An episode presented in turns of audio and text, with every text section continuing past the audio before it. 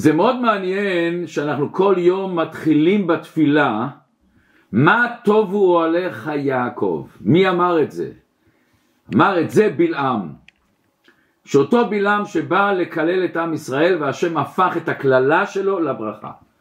אז הברכה הכי גדולה שיש לנו זה שחס שלום בן אדם ששונא אותנו, שלא אוהב אותנו, שרוצה לקולל אותנו, גם שהוא נותן לנו ברכה.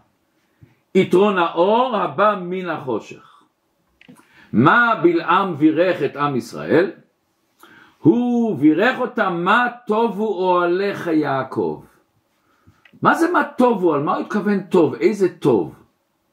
אומר רש"י שראה שפתחיהם אינם מכוונים זה מול זה. מה זאת אומרת? שבני ישראל השערים שלהם, הפתחים לא היו מכוונים זה מול זה, וככה ולא יכלו לראות אחד את השני. אומר רש"י על הפסוק ותהי עליו רוח אלוקים, ששרתה על בלעם רוח אלוקים. ולכן הוא לא כלל, אבל הזוהר אומר דבר נפלא. למה שרתה עליו רוח אלוקים? מכיוון שעל ישראל הייתה רוח אלוקים. למה שלטה על ישראל רוח אלוקים? למה? שלא הביטו זה לזה. בפשטות זה פשוט עניין של צניעות. שלא כל אחד מסתכל ורואה בבית הפרטי של בן אדם, זה לא צנוע. אבל יש פה בעצם עוד עניין פנימי יותר. יש אנשים שיש להם תכונה לחטט מה קורה אצל השני, מה יש לו ומה אין לו. יש אנשים שחיים מזה, הם כל כך נהנים, אה, ah, היום ראיתי שלבן אדם הזה קנה משהו, הפסיד משהו, קרה לו משהו, שנבוא היום להתיישב על יד השולחן, אני אספר את הסיפור הזה. הם מרגישים שיש בהם ערך מסוים, למה? יש לי סיפורים.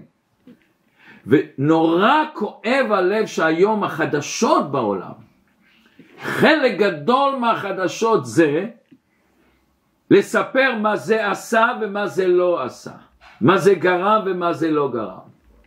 ולפעמים אנשים בחדשות, בכל מיני הכלים שמפרסמים דברים, גורמים צער עצום לאנשים, גורמים בעיות במשפחות, הורסים אנשים. ולא פעם ולא פעמיים הדברים בכלל הם לא נכונים, הוציאו אותם מהפר... מהפרופורציה בכלל. וגם אם זה נכונים, למה לרקוד על אדם? והכי כואב, אין היום שום מפלגה או איזה חוג שמתנהגים, כל הישר בעיניו יעשה בשם חופש הביטוי, או בשם זכות הציבור לדעת. זכות הציבור לדעת על סמך זה להרוג אנשים, להרוס משפחות? בטוח שיש מקומות שאנשים שיכולים להזיק לאנשים, יש עניין להודיע אל הציבור. אבל יש מקרים שזה ממש שפיכות דמים, ומנסים להכשיר את השרץ הזה, שהמטרה היא הפנימיות זה פשוט כסף וכסף וכסף. אז בואו נראה היום עוד שלושה פירושים על אותם המילים ש, שכתוב שאין פתחיהם מכוונים זה מול זה. והשלושה הדברים האלה בעצם הם קשורים למה שכתוב בספר הזוהר הקדוש. תלת קשרים אינון מתקשרים דה בדה. יש שלושה דברים שקשורים אחד בשני. מה זה? קודשא בריחו, אורייתא וישראל. מה העניין של שלוש? אנחנו כבר שוחחנו פעם שכל דבר שלם הבסיס שלו תמיד שלוש. יש לנו שלושה אבות. התורה שהיא הבסיס של העולם, יש בה תנ"ך, תורה, נביאים, כתובים. מתי היא ניתנה? בחודש השלישי אומרת הגמרא, חודש סיוון, ניסן, אייר, סיוון. למי ניתנו את התורה? לגם עם שמתחלק לשלוש, כהן, לוי וישראל. הצורה היחידה, הפורמט הראשון בעולם, מתחיל הבסיס שלו משלושה קווים, משולש. אם יש לי שתי קווים אני לא יכול ליצור דבר, ליצור איזה הרמוניה שלמה. אז בואו נתחיל היום את השלושה פירושים ש... הללו על ישראל, על התורה ועל הקדוש ברוך הוא. נתחיל עם העניין של עם ישראל. יש אנשים שכל החיים שלהם הוא חי לפי השכן שלו. איך שהשכן עשה את הברית, את הבר מצווה, את החתונה, אה, אני גם צריך לעשות מינימום כמוהו, או יותר אפילו. אני לפעמים צריך לראות מה עשה פלוני אלמוני, איזה אוכל הוא הזמין, או איזה בית יש לו, או איזה דירה יש לו, בכדי שאני אדע מה אני צריך לעשות. בלעם ראה עם ישראל הוא חי, כל אחד חי לפי המציאות שלו, לפי המצב שלו, וזה ריגש אותו. אין פתחיהם, זה לא רק הבחינה הפיזית הזאת שהם צנועים, אלא כל המהות של החיים אני חי לפי התכונות שלי, לפי מה שאני מרגיש שמתאים לי. אני מלביש כפפה לפי היד שלי. אני לא מלביש כפפה שהיא שייכת למישהו אחר. וזה אחד הדברים שגורמים לבן אדם עושר עצום. יש כזה סיפור שפעם בן אדם אחד הלך מבית לבית ומכר והוא הצליח למכור מאוד. אז אנשים שאלו אותו איך אתה מצליח? הוא פשוט מאוד אני נכנס למישהו דופק בדלת ואני אומר לו מה שלומך? ראית איזה מכונית יש לבן אדם השני? ראית איזה מכונת כביסה הוא קנה? ראית את הדשא שלו, את, המח... את המכשיר לחתוך דשא? וכך אני מצליח למכור מאוד מאוד טוב. בעיר שלנו באנטוורפ עשו כזה מושג של שמחת נישואים. עושים את הנישואים במחיר זול, מי שעומד על הכללים. וכל כך התרגשתי, השמחה הראשונה הייתה שבן אדם עשיר מאוד גדול, והוא החליט אני עושה את השמחת נישואים, את המינימום הזה, הסעודה מינימום, התזמורת, הצלם, אותו דבר. ומישהו נעמד באמצע סעודת הנישואים ואמר אני רוצה להגיד דבר שהוא לא רוצה שאני אספר, אבל בשביל הציבור אני רוצה. היום הזה שהוא עושה את השמחה שלו בצניעות, הוא מחתן עוד שלושה יתומות בארץ ישראל והוא מממן את הכל. איזה יופי. אבל מצד שני כמה כואב הלב שיש אנשים שנכנסים להלוואות. השם ישמור בגלל הקנאה הזאת, התכונה הזאת, אני חי בגלל השני. ובמקום לשאול את עצמי איך אני יכול להפסיק לקנא, השאלה איך אני אוכל לשמוח במה שיש לי. וכאשר בלעם ראה את הקשר הנפלא של עם ישראל בינם לבין עצמם, זה הפך את הקללה לברכה. לא מצא הקדוש ברוך הוא כלי מחזיק ברכה, אומרת הגמרא, אלא השלום. יש שלום, אין קנאה, יש אחדות. זה הביאור הראשון. בואו נראה עכשיו את הביאור השני. הביאור השני זה קשר של הקדוש ברוך הוא עם עם ישראל. יש הסבר נפלא של הנכד של הבעל שם טוב רב ברוך ממזבוש. ואותו עניין יש גם של רבי פינים, יש ספר קול מבשר בפרשת בלק, והוא אומר את אותו ביאור. הוא אומר מה הפירוש אין פתחיהם מכוונות, זה מול זה. יש לנו מדרש מפורסם שהקדוש ברוך הוא אומר לעם ישראל פיתחו לי פתח כפתחו של מחט ואני אפתח לכם פתח כפתחו של אולם. מה הפירוש פה? מה העניין הזה שהשם אומר תפתח כפתחו של מחט? למה דווקא מחט? ולמה הוא אומר דווקא כפתחו של אולם? מסביר הרי בעניין נפלא. אבל בואו לפני זה אני אקדים משהו. מה ההבדל אם בן אדם מקבל מכה או דוקרים אותו במחט? שם מקבל מכה זה כואב. אבל זה לא בדרך כלל אם המכה היא לא מכה חזקה מאוד, זה לא מזעזע את כל המציאות שלך. מחט שאתה מקבל דקירה במחט זה מזעזע את כל המציאות שלך. אומר הקדוש ברוך הוא תפתח קצת. תיקח על עצמך מצווה אחת, אבל את המצווה הזאת תיקח כמו דקירה במחט. שזה נוגע במהות שלך, זה מדגדג במהות שלך. אומר הרב עוד יותר עמוק, הרב אמר בתשי"ב שיחה נפלאה. הרב אמר מה העניין של מחט? העניין של מחט לעשות חור. אבל תכלית הכוונה זה שלא יישאר חור, תכלית הכוונה אני עושה חור ואז אני מעביר דרך הנקב הזה חוט שעל ידו אני יכול לחבר שני דברים שעד עכשיו היו נפרדים. זה המחט. יש לנו בעולם שתי עולמות. אנחנו אומרים בתפילה מן העולם עד העולם. כמו שלנו יש את החלק הגשמי והחלק הרוחני, האלוקי, יש עולם הגשמי שלנו שנקרא בשם עולם על שם העלם ואסתר ומעלים על האלוקות ויש את הקדוש ברוך הוא, את העולם הרוחני, את העולם האבסטרקטי. כל אחד ואחד המטרה שלו בעולם לא רק להרגיש את הבשר ודם, לא רק להרגיש את הרגשות הגשמיות שיש בך, להרגיש את הנשמה שלך, את החלק אלוקה ממעל. את ההרגשה הזאת שהשם מביט עליך כל הזמן כמו בן אהוב. כמו שאומר הזוהר שהקדוש ברוך הוא לא יכול להפסיק להסיר את עיניו, במרכאות את עיניו, לראות את עם ישראל. על ידי שאני עושה את החור הקטן הזה כחודו של מחט, שאני נוגע אצלי בחיים שלי, בהרגשות שלי, במהות שלי. אני מחבר את, ה, את העולם האלוקי, את העולם ה, ה, של הקדוש ברוך הוא, עם העולם הגשמי שנרגש בעולם את האלוקות.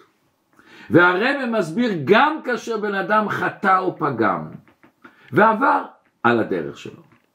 הוא יכול לעשות נקב כחודו של מחט, לעשות איזה חיסרון קטן במציאות והישות שלו, ודרך הנקב הזה, החור הזה, הוא מקשר את כל האלוקות עם כל העולם הזה. ובואו אני אספר לכם סיפור. היה בחור שאני מכיר אותו מאוד טוב. הבחור הזה היה בחור בלב טוב, לב זר, אבל לא היה לו חשק ללמוד. אז הוא נכנס והתעסק בשמירה, יש בארצות הברית, גם בבלגיה, בכל הרבה מקומות בעולם, רק היהודים מארגנים כזה דבר, שמירה שלהם, לא סומכים על המשטרה. והוא עשה בשמירה. ואז הוא הרגיש שהוא לא הרוויח הרבה כסף, הוא רצה להיכנס לביזנס, וחשב אולי אני הולך להתחתן. אז הוא נכנס לרבה ואומר לרבה, רבה, אני ללמוד לא שייך, לא שייך ללמוד. אז אני רוצה להתחיל לעבוד בעבודה אחרת ולהתחתן. אומר הרבה, להתחתן אתה עוד לא מספיק בוגר, ואומר לו הרבה, אתה לא צריך לעזוב את השמירה, אבל תחליט לעצמך שכל יום אתה לומד חמש דקות בתורה שבכתב, בחומש, חמש דקות בתורה שבעל פה. ורבי אומר לו, החמש דקות זה תלמד בפרשת השבוע, והחמש דקות שבתורה שבעל פה תבחר מה שאתה רוצה במקום שליבו חפץ. אבל הרבי אומר לו, החמש דקות האלה, כל כולך יהיה בחמש דקות האלה. לפני זה תאכל, תשתה, תרגיש טוב בחולצה, בכל הסביבה שלך, תסגור את הטלפון שכל כולך חמש דקות עד הסוף, עד הסוף, עד הסוף. תראו איזה נפלא, הרב לא צעק, למה אתה לא לומד, תלמד יותר. הרב נתן לו לפי הכלים שהוא יכול. והרב אמר לו לא להוסיף על החמש דקות. אם תרצה להוסיף, מקסימום הרב אומר לו, עשרים אחוז. זאת אומרת, מהחמש דקות מותר לך להוסיף דקה. הוא אומר, עשיתי את זה, והתחלתי ללמוד. ומכיוון שהייתי מרוכז בלימוד שלי, גם בתורה שבכתב וגם בתורה שבפה חמש דקות, וואו, כל כך נהניתי, רק התחלתי לקרוץ, כל כך משך אותי, רציתי עוד ללמוד. אבל מותר לי רק להוסיף את ה-20 אחוז, אז הוספתי את, את הדקה הזאת. ו- ועצרתי. והתחלתי להשתגע, כל כך נהניתי מהלימוד הזה, ונכנסתי אחרי זה אל הרבי וביקשתי, הרבי מותר לי עוד, ואז הרבי התיר לו עוד. והיום הוא צמח להיות אברך חסידי שגר בניו יורק. מה רבי עשה כאן? רבי רצה את החמש דקות? לא. רבי רצה את הכחודו של מחט. תיקח משהו עד הסוף. ותיקח משהו, תגיד הקדוש ברוך הוא, זה בחמש דקות האלה אני כולי שלך. כולי שלך. אורי זוהר פעם שמעתי שהוא סיפר הסיפור ארוך אבל הנקודה שרוצים פה לספר, הוא החליט לעשות איזה מצווה. הוא לא רצה לחזור בתשובה לגמרי, אבל מה שהוא רצה, לעשות איזה קשר לקדוש ברוך אז הוא אמר לעצמו, אני רוצה מצווה קלה, קלה, קלה, שלא יהיה לחץ כל יום, פעם אחת בשבוע, משהו כזה, משהו פשוט וקל. הוא החליט, אני הולך להדליק נרות שבת קודש. אשתו לא החליטה שהיא מתחילה להתקרב בכלל, היא רחוקה, רחוקה, רחוקה, והוא החליט, אני רוצה לעשות מצווה, איזה מצווה פשוטה, אני אדליק נרות שבת, מה זה, שתי דקות להדליק נרות. ואחרי זה אני תופס את עצמי, אני אומר, מה אתה עושה צחוק? ככה אתה רוצה? מה זה? ואז הוא החליט לעצמו, כן, אני לוקח את המצווה של הדלקת נרות, אבל המצווה הזאת תהיה עד הסוף. אני באמצע סרט, באמצע בילוי, באמצע נסיעה, לא מעניין אותי מה יקרה. אני את הדלקת נרות שבת הזאת לא מוותר. וואו. וזה פתח לו כפתחו של אולם. זה מה שאומר לנו, תעשה את הקשר קטן, אבל כמו דקירה של מחט, שזה חודר בעצמך, זה עושה חור מקצה לקצה. שאתה כל כולך מזדעזע בגלל המצווה הזאת. אתה קשור למצווה, אתה עושה את הדבר הזה עד הסוף. ואז יפתח לך כפתחו של עולם. עכשיו, מה ההסביאור הזה שכפתחו של עולם? מה העניין הזה, העולם הזה? אומר הרב שני הסברים נפלאים. הסבר ראשון כתוב שהפתח של העולם היה גבוה 40 אמה. פתח גדול מאוד. אמה זה בערך, בערך חצי מטר, זאת אומרת 20 מטר פתח. מה העניין הזה של 40? אנחנו מכירים מה שמסביר המהר"ל ובעוד ספרים. כל פעם שרוצים לעבור ממדרגה אחת למדרגה שנייה, יש עניין של 40. המבול בא לטהר את העולם. למה השם עשה את המבול? אם השם רוצה רק להרוג את האנשים הרשעים, הוא יכול להרוג אותם. המבול כתוב שהוא הכניס את כל העולם במקווה. אז למה 40? יש עניין של 40 שאה, 40 שאה מטהר את הבן אדם. כמה ימים ירד הגשם על האדמה במבול? 40 יום. להתחיל דף חדש. כמה זמן עם ישראל היה במדבר לעבור ממצרים לארץ הקודש? 40 שנה. כמה זמן משה רבינו עלה להר סיני לקבל את התורה בפעם הראשונה? 40 יום. אחרי שבני ישראל עשו את החטא העגל, כמה זמן משה היה למעלה להתפלל שהשם יסלח לו? 40 יום. מה העניין של 40? יש לנו ארבע עולמות, אצילות, בריאה, יצירה, עשייה. כנגד ארבע אותיות שיש בשם השם י' ק' ו' ק'. בכל עולם יש עשרה כוחות, חוכמה, בינה, דעת, חסד, גבורה, תפארת, נצח, עוד יסוד מלכות. עשר כפול ארבע זה ארבעים. אומר הקדוש ברוך הוא, אם אתה תעשה פתח כחודו של מחט, זה יפתח לך פתח של, שלא בערך, עולם חדש יפתח לך. זה לא יהיה עוד קצת, עוד משהו, עוד פסיעה, עוד שתי פסיעות, אתה נכנס לעולם חדש. אומר הרי בעוד נקודה נפלאה, לכל הפתחים בבית המקדש היה דלתות. לאיזה דלת לא היה פתח? כפתחו של אולם. באולם לא היה פתח. זה אומר הקדוש ברוך הוא, אם אתה תעשה את הפתח שכחודו של מחט, ייפתח לך כפתחו של אולם. וזה אנחנו אומרים, יגעת ומצאת, תאמין. מה זה מצאת? אם יגעת זה לא מציאה. יגיעה זה עבודה, מציאה זה בהיסח הדעת. אומר הרב, אתה יוגע, אבל פתאום אתה מקבל דבר שלא לפי ערך היגיעה שלך, לא לפי ערך ההשקעה שלך, הזמן שלך, המחשבות שלך, אתה מוצא הרבה יותר. ואם כבר אנחנו משוחחים בזה, רצינו לבקש מכל אחד, אם הוא יכול לעשות לייק, אם הוא יכול לעשות תגובה, אם הוא יכול לשתף אנשים באחרים. זה לא יגיעה גדולה, אבל זה מציאה גדולה. מכיוון שעל ידי זה השיעורי תורה מתרחבים, מתפשטים, ואותם הרשתות שמים אותם הרבה יותר. אז ביגיעה קטנה מצאת, מצאת. אז זה מה שהקדוש ברוך הוא מבטיח לכל אדם שאתה תעשה מצדך. הקליין אליך לך הרב אומר, חור קטן קטן קטן במציאות שלך, בישות שלך, פתאום נפתח חלל חדש. פתאום נפתח לך עניין חדש גם ברוחניות וגם בגשמיות. אבל את החודו של מחט אתה צריך לעשות. מעניין, במדרשים במקומות אחרים יש אותו מדרש אבל עוד הוספה קטנה. שהשם אומר פיתחו לי פתח אחד של תשובה כחודו של מחט ואני אפתח לכם פתחים שיהיו עגלות וקרונות נכנסות בו. לא רק פתח אחד, לא רק עולם אחד ייפתח לך, פתאום תראה נפתחים לך בהמון מקומות פתחים חדשים. למה אצל הקדוש ברוך הוא זה בלי גבול? ברגע שאתה פותח לקדוש ברוך הוא, נוגע בך משהו שנגעת בזה, זה פותח עולם שלם. אומר אדמו"ר הזקן משל לאדם שהולך במדבר, נותנים לו קצת אוכל. אבל הקצת אוכל הזה זה מעדן, זה מעדן.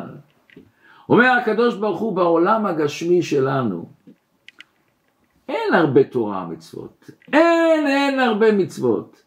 אם אתה תעשה קצת טיפה, אבל הטיפה הזאת תהיה חשובה לך, נוגע לך, אני אפתח לך פתחו של עולם. השם מחפש טיפה של קדושה בתוך באר צייה ואויב בלי מים. זה הקדוש ברוך הוא מחפש. ועכשיו נראה את הביאור השלישי שקשור עם התורה, עם הדרך שלנו, עם הקשר של כל אחד ואחד עם התורה. אומר המאור ושמש, אחד המפרשים של תורת החסידות על החומש. הוא אומר ככה, כל צדיק יאחוז דרכו והילוכו בקדושה, הוא פותח לו פתח לעצמו. ולא לעשות מצוות אנשים מלומדה, דהיינו לפי שראה שרבו כך עשה, או חברו עושים כך, גם אני אעשה כמעשיהם ותנועותיהם. לא כן הדרך, אלא כל אחד יפתח לו באופן אישי פתח ושערי קדושה בפני עצמו. וזה הוא אומר, וזה הוא ראה שאין פתחי מכוונים זה כנגד זה. היינו שלא יסתכל אחד לילך בפתח שפתח חברו בקדושה, בדרך שלו, בשביל שלו. כי אם כל אחד הולך בפתחו אשר פתח לעצמו. ותהיה עליו רוח אלוקים ששרתה עליהם השכינה. חנוך לנער על פי דרכו.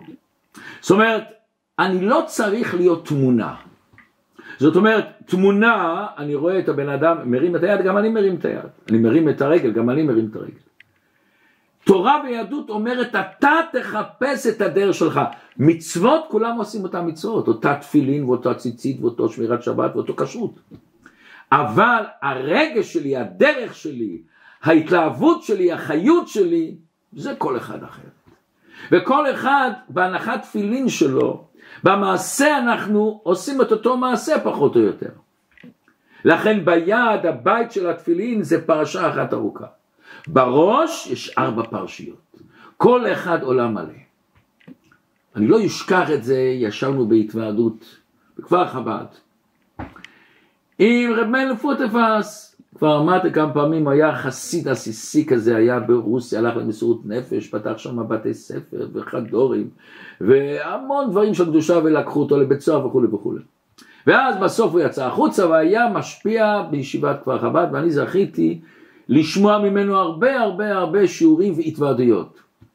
התוועדות זה שיושבים כולם ביחד, אומרים קצת לחיים, שרים, יכולים לשעות ככה. זה הרגשה מעין עולם הבא. ופעם הוא דיבר, דיבר, דיבר, בחור אחד שהיה מולו פרץ בבכי. שואל אותו רב מנדל, למה אתה בוכה? אז הוא אומר, אני כל כך רוצה ללמוד, ואני כל כך רוצה להבין תורה.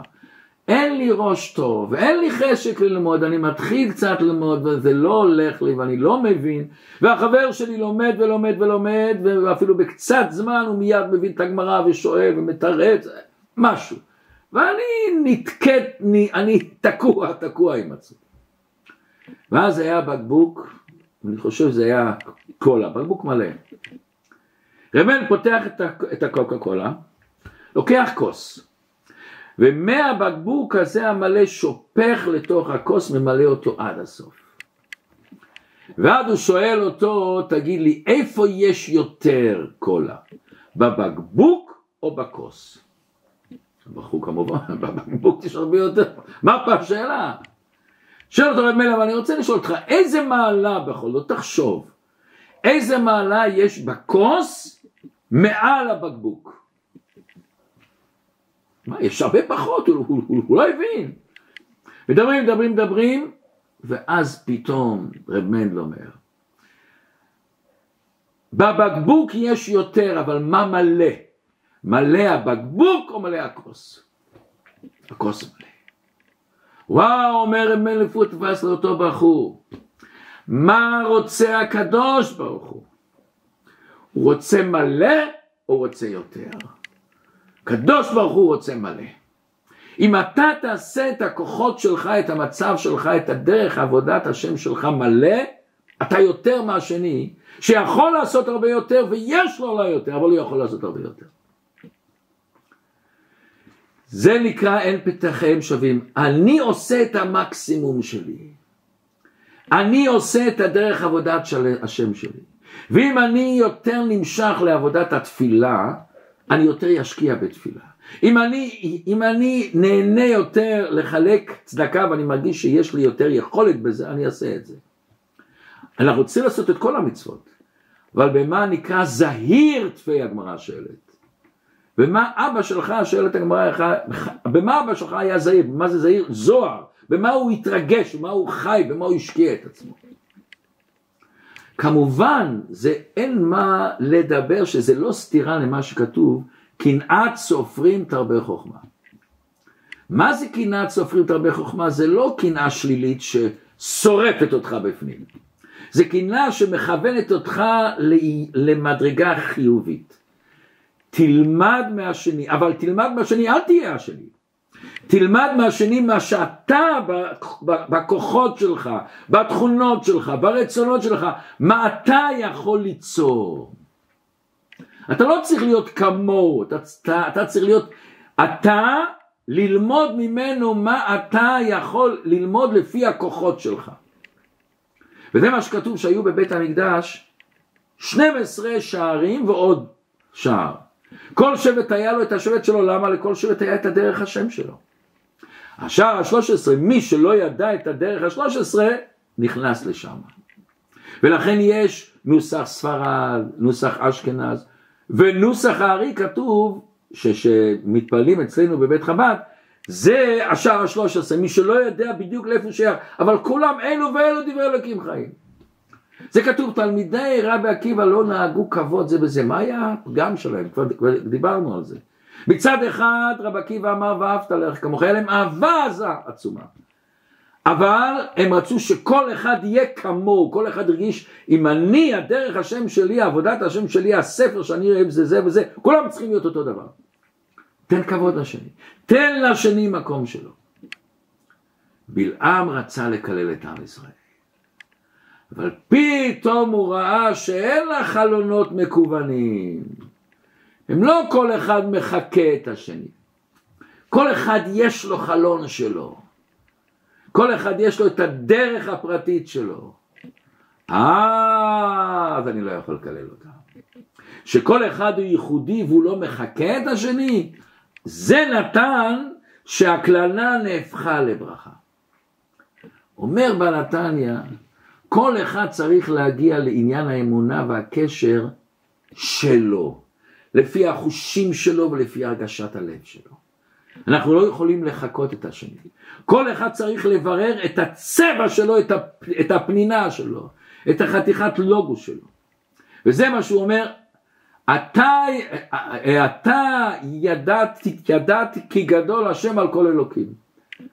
מה זאת אומרת? אני ידעתי.